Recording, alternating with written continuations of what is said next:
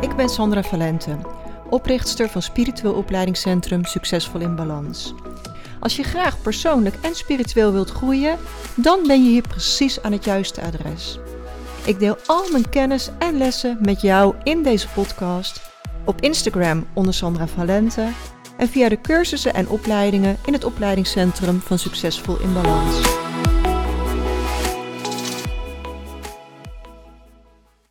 Super welkom bij deze nieuwe podcast, podcast nummer 40 alweer. En vandaag wil ik het met je hebben over zielengroepen en zielsafspraken. Want afgelopen weekend ben ik op een mastergraadcursus geweest over regressie en reïncarnatie. Over het reizen en de ervaringen van de ziel. En dat was zo mega interessant. Ik heb altijd gevoeld dat het echt bizar zou zijn om te denken dat wij de enige planeet met leven zijn. ook al kan de wetenschap het nog niet bewijzen, ik heb gewoon een diep innerlijk weten altijd gehad van er moet meer zijn. En dat heb ik afgelopen weekend in die cursus mogen ervaren. En ik ben hier weer zo enorm van gegroeid. Ik heb in de afgelopen jaren heel veel puzzelstukjes verzameld. met elke ervaring die ik opdoe, cursussen, afstandsinwijdingen, boeken. Ehm, steeds heb ik een puzzelstukje verzameld. En ik heb nu het gevoel dat die puzzelstukjes een geheel beginnen te worden. Ik overzie steeds beter het hele plaatje. Dus ik heb mij afgevraagd: hoe kan ik hier iets waardevols over delen in mijn podcast?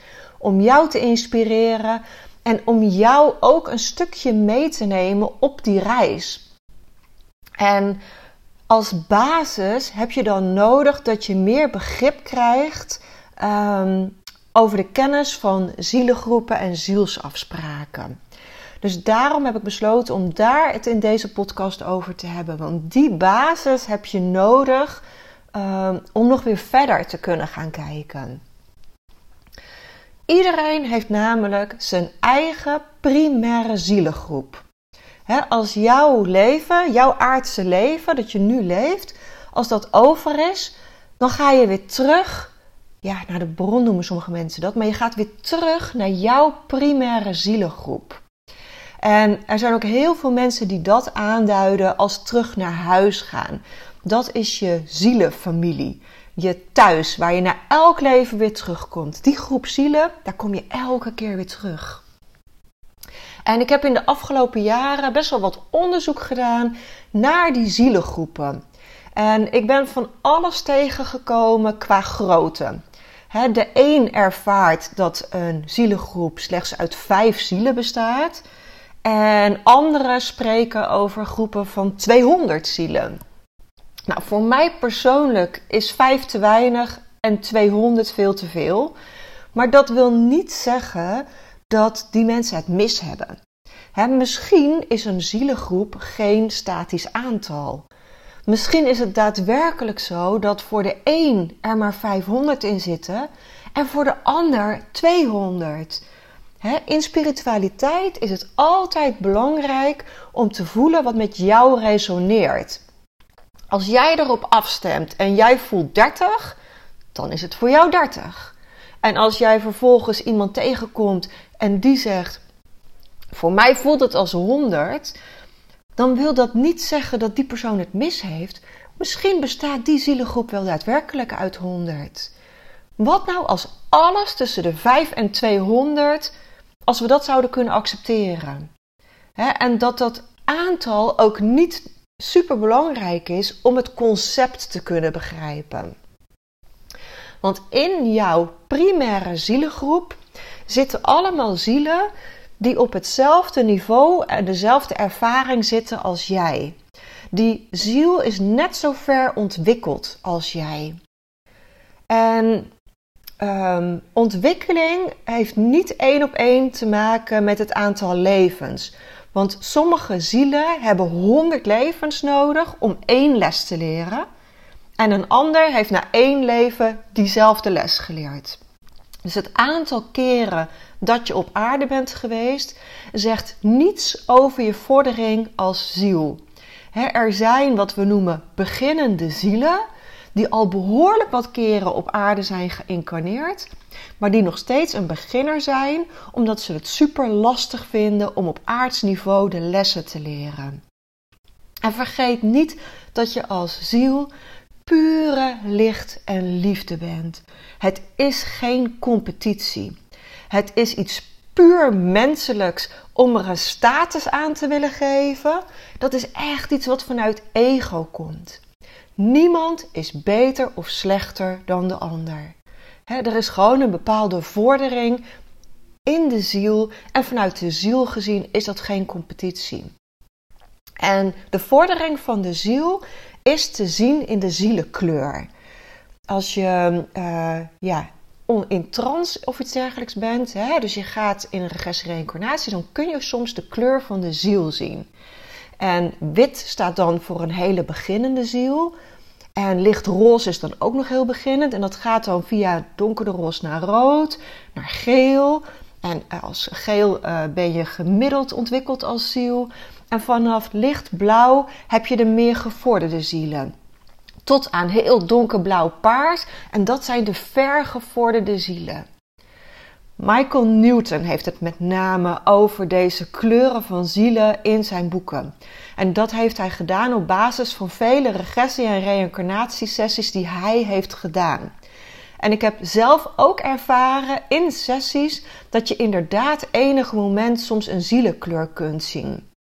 Maar nogmaals, maak dat niet te belangrijk. Maak dat niet als competitie. het is wel zo, hoe verder gevorderd de ziel is, hoe hoger ook de gids is die een ziel meekrijgt tijdens de incarnatie. Een gevorderde ziel krijgt ook een meestergids mee. je voelt ook wel aan dat er een match moet zijn. Je gaat niet een gevorderde ziel een startende gids meegeven. Dus dat is vaak ook wel geleveld. Dat, dat matcht bij elkaar. Maar goed, ik heb het de hele tijd over primaire zielengroepen. Dus daaruit kun je opmaken dat er meer is. Hè? Dat er een secundaire en tertiaire groep is. Nou, vaak zitten je ouders, je partner, um, die zitten niet in jouw primaire zielengroep. Zij komen vaak uit jouw secundaire of tertiaire zielengroep. In de zielenwereld is het namelijk niet zo dat je niet buiten je eigen cirkeltje, buiten je eigen groep mag komen. daar is jouw zielenfamilie, daar zul je de meeste tijd doorbrengen. Dat is je basis. Maar je kunt als ziel ook prima op bezoek gaan bij je secundaire of je tertiaire groep. Stel je even voor dat jij tijdens het schrijven van je levensplan heb je een afspraak gemaakt met je moeder in dit leven. En zielengroep technisch gezien komt zij uit jouw secundaire zielengroep. De kans is heel groot dat jullie al vaker elkaar zijn tegengekomen op aarde. Want je gaat heel vaak contracten aan met mensen uit je secundaire en tertiaire zielengroepen. En in die zielengroep van jouw moeder, dus die in jouw secundaire groep zit, zit ook jouw beste vriendin uit het leven. Want ook jullie zijn een contract aangegaan. Maar voor de ziel van jouw moeder is die ziel van de beste vriendin dus haar primaire zielengroep. Voor haar is dat een primaire groep, terwijl het voor jou een secundaire groep is. Als je een beelddenker bent en je vindt dit lastig om uh, zo voor je te zien, pak er dan een vel papier bij en teken daar een cirkel op. En zet in die cirkel een 1. Dat is jouw primaire zielengroep. Teken daaromheen een aantal cirkels waarin je het cijfer 2 zet. En je tekent vervolgens een lijntje van bolletje 2 naar bolletje 1. Dat zijn dus jouw secundaire groepen. Dan teken je net iets verder daarvan af nog weer nog een aantal bolletjes en daar zet je een 3 in. En je trekt lijntjes van de 2 naar de 3. En dan ga je zien dat er een heel web ontstaat van zielengroepen. Uiteindelijk zijn alle zielengroepen met elkaar verbonden. Want de zielengroep van je moeder is voor haar haar primaire groep, maar zij heeft ook weer zo'n web om zich heen. En zo kun je oneindig ver doorgaan en is alles met elkaar verbonden. Als je dit een keer voor jezelf tekent, wordt het duidelijker. Ik vond het zelf heel verhelderend. Ik heb er zelf ook een plaatje voor mezelf van gemaakt. Ehm, ik zal dat op Instagram uh, gaan delen. Bij de post van uh, deze podcast zal ik ook het plaatje delen. Maar het kan ook fijn zijn om het zelf even uit te tekenen.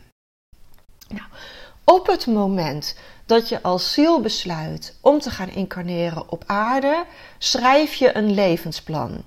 Je gaat contracten aan met iedereen die belangrijk voor jou is in dat leven. Met je ouders, je broers, je zussen, beste vrienden, partners. Um, hè? Als er een significante gebeurtenis is, bijvoorbeeld met buren, kan dat ook een afgesloten contract zijn.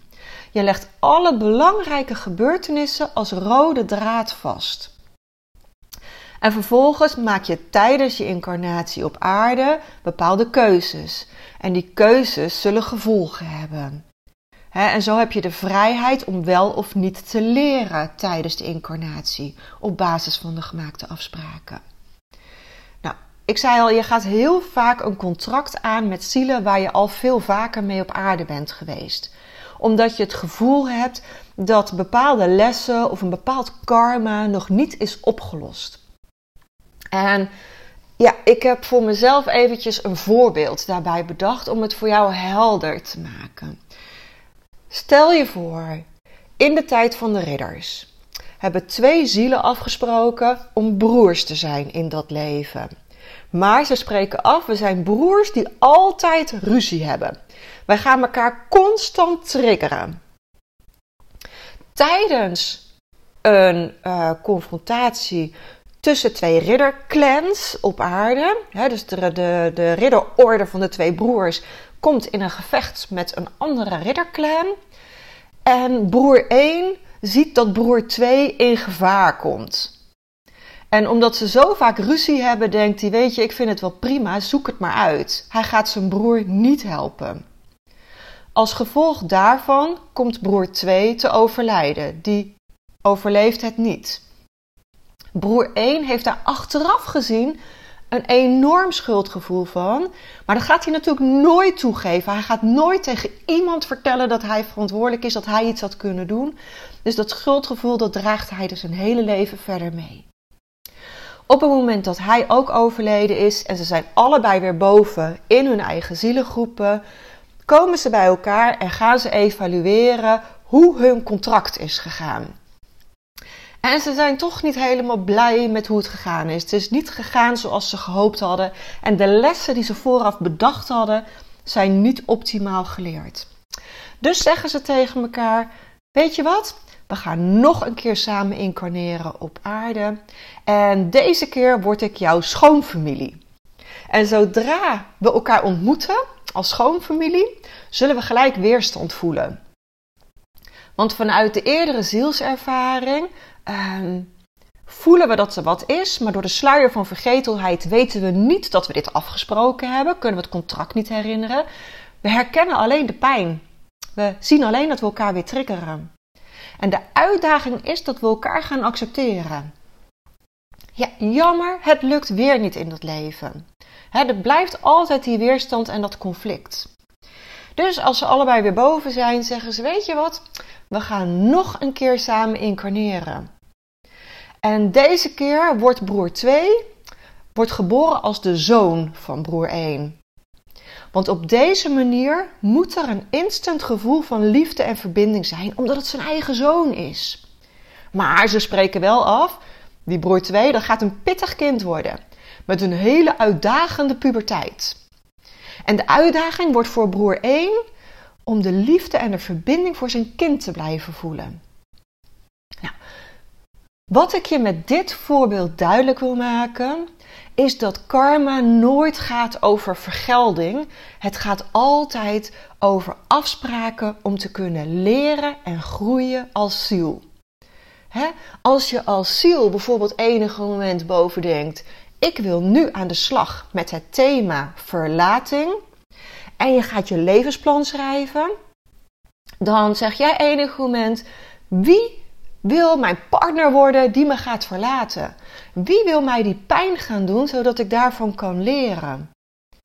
En als dus iemand dan zijn hand opsteekt, als zo'n ziel zegt: Ik wil dat wel voor jou doen, ik wil wel die partner worden die jou verlaat in dat leven, dan is dat uit pure liefde dat die rol geaccepteerd wordt. En dat kan ook iemand uit je tertiaire groep zijn die dat voor jou zegt: Ik wil dat wel voor jou doen.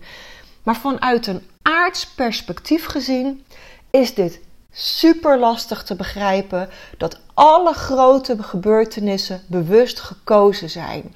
Dat we onszelf bewust zoveel pijn laten doen. Als je aan het begin van je spirituele pad staat en nog niet zoveel weet over hoe dit gaat, hè, dat afsluiten van die contracten, die zielenwereld. Ik vind uh, dat boek Het Sprookje van de Dood van Marie-Claire van der Brugge heel fijn. Ik heb het ook altijd op mijn verplichte leeslijst gehad in de opleiding die ik gaf. Dit is een boekje dat je in een middag uitleest, wat je zelfs voor kunt lezen aan je kinderen. Um, en dat gewoon super duidelijk uitlegt hoe je dit soort levensplannen schrijft, hoe je dit soort contracten aangaat. En als je al wat meer ervaring hebt, hè, als je al iets meer weet, als je dit concept op zich wel weet van zielengroepen, zielsafspraken, reïncarnatie, dan zijn ja, wat hogere level boeken zijn de boeken van Michael Newton bijvoorbeeld. Het boek Bestaansrecht van Maarten Oversier.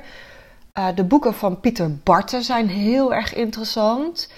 Deze laatste leeft niet meer en er worden geen nieuwe boeken meer van hem gedrukt. Dus de boeken van Pieter Barten zijn alleen maar tweedehands verkrijgbaar. En ik heb het er best wel vaak over. Dus volgens mij zijn nu alle tweedehands boekwinkeltjes heel verbaasd dat er ineens een enorme run is op deze boeken. Ik heb ook gezien dat ze op het moment heel moeilijk verkrijgbaar zijn. Maar hij heeft bijvoorbeeld het boek geschreven Atlantis en Wereldkarma.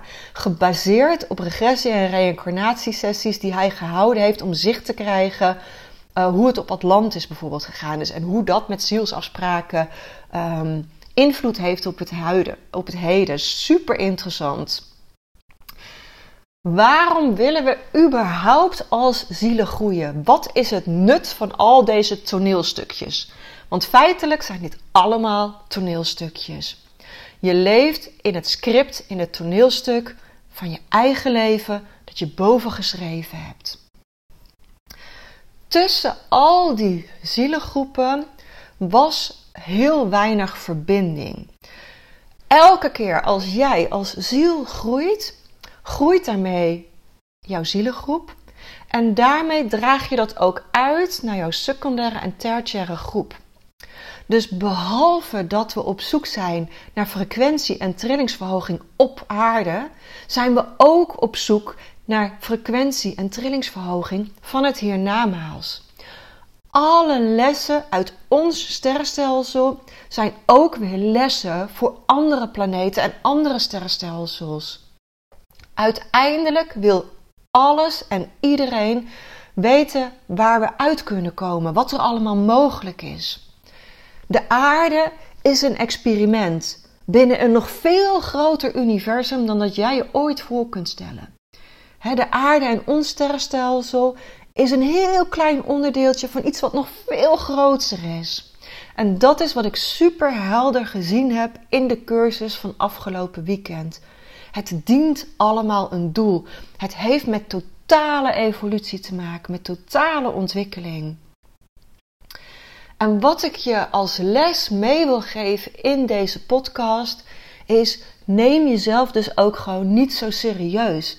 Besef dat je een rol speelt in jouw eigen geschreven script. Neem wat vaker afstand van een situatie en probeer eens te kijken wat de functie zou kunnen zijn van deze situatie als je het vanuit je script zou bekijken. Wat zou je hier kunnen leren? Welke afspraken kunnen hier gemaakt zijn? Als je inderdaad een super vervelende buurman hebt, probeer eens te voelen of hier een diepere boodschap achter zit. Kijk hem eens diep in zijn ogen en kijk of je hem op zielsniveau herkent. Het zou heel goed kunnen zijn dat hier een les achter zit. Zou je dit vanuit liefde kunnen benaderen? Zou er een oplossing kunnen zijn, waardoor je in dit leven groeit? En ik begrijp als geen ander dat als je superheftige ding meemaakt, dat het op aardsniveau ja, bijna niet voor te stellen is dat je hiervoor gekozen hebt. Ik heb ook in mijn podcast al vaker het grapje gemaakt: was ik dronken toen ik mijn levensplan schreef? Maar even serieus, als je na een aantal jaren terugkijkt, wat heeft die vreselijke gebeurtenis dan met je gedaan? Welke kracht heb je hier bijvoorbeeld uit weten te ontwikkelen? Welke vaardigheid? Welke les heb je geleerd? En sommige dingen zijn heel snel duidelijk. Sommige lessen zie je misschien na tien jaar ineens.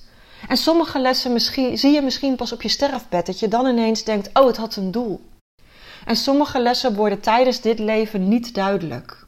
En als je dan evalueert achteraf op je leven, dan kom je erachter dat je een les misschien nog niet helemaal goed geleerd hebt.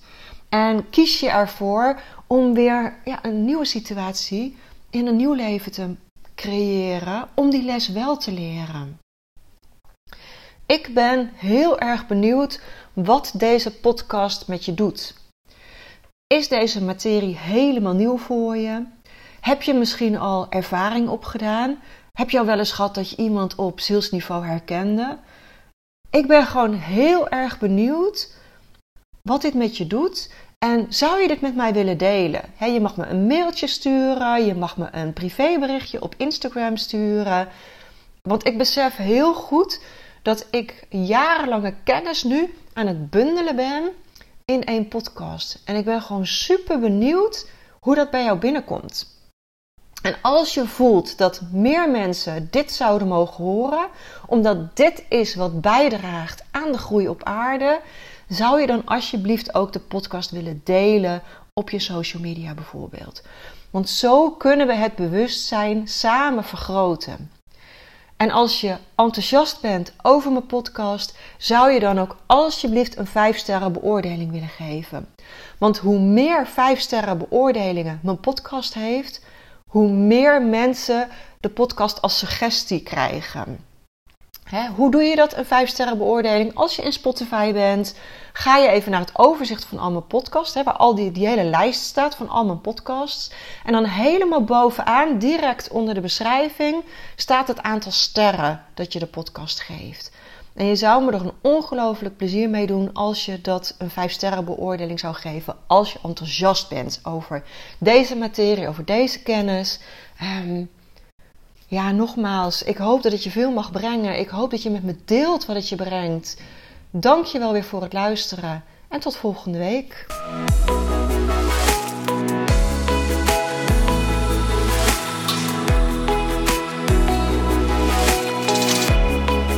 En als je meer wilt lezen over de cursussen en opleidingen die we in het Spiritueel Opleidingscentrum geven, ga dan naar www.succesvolinbalans.nl.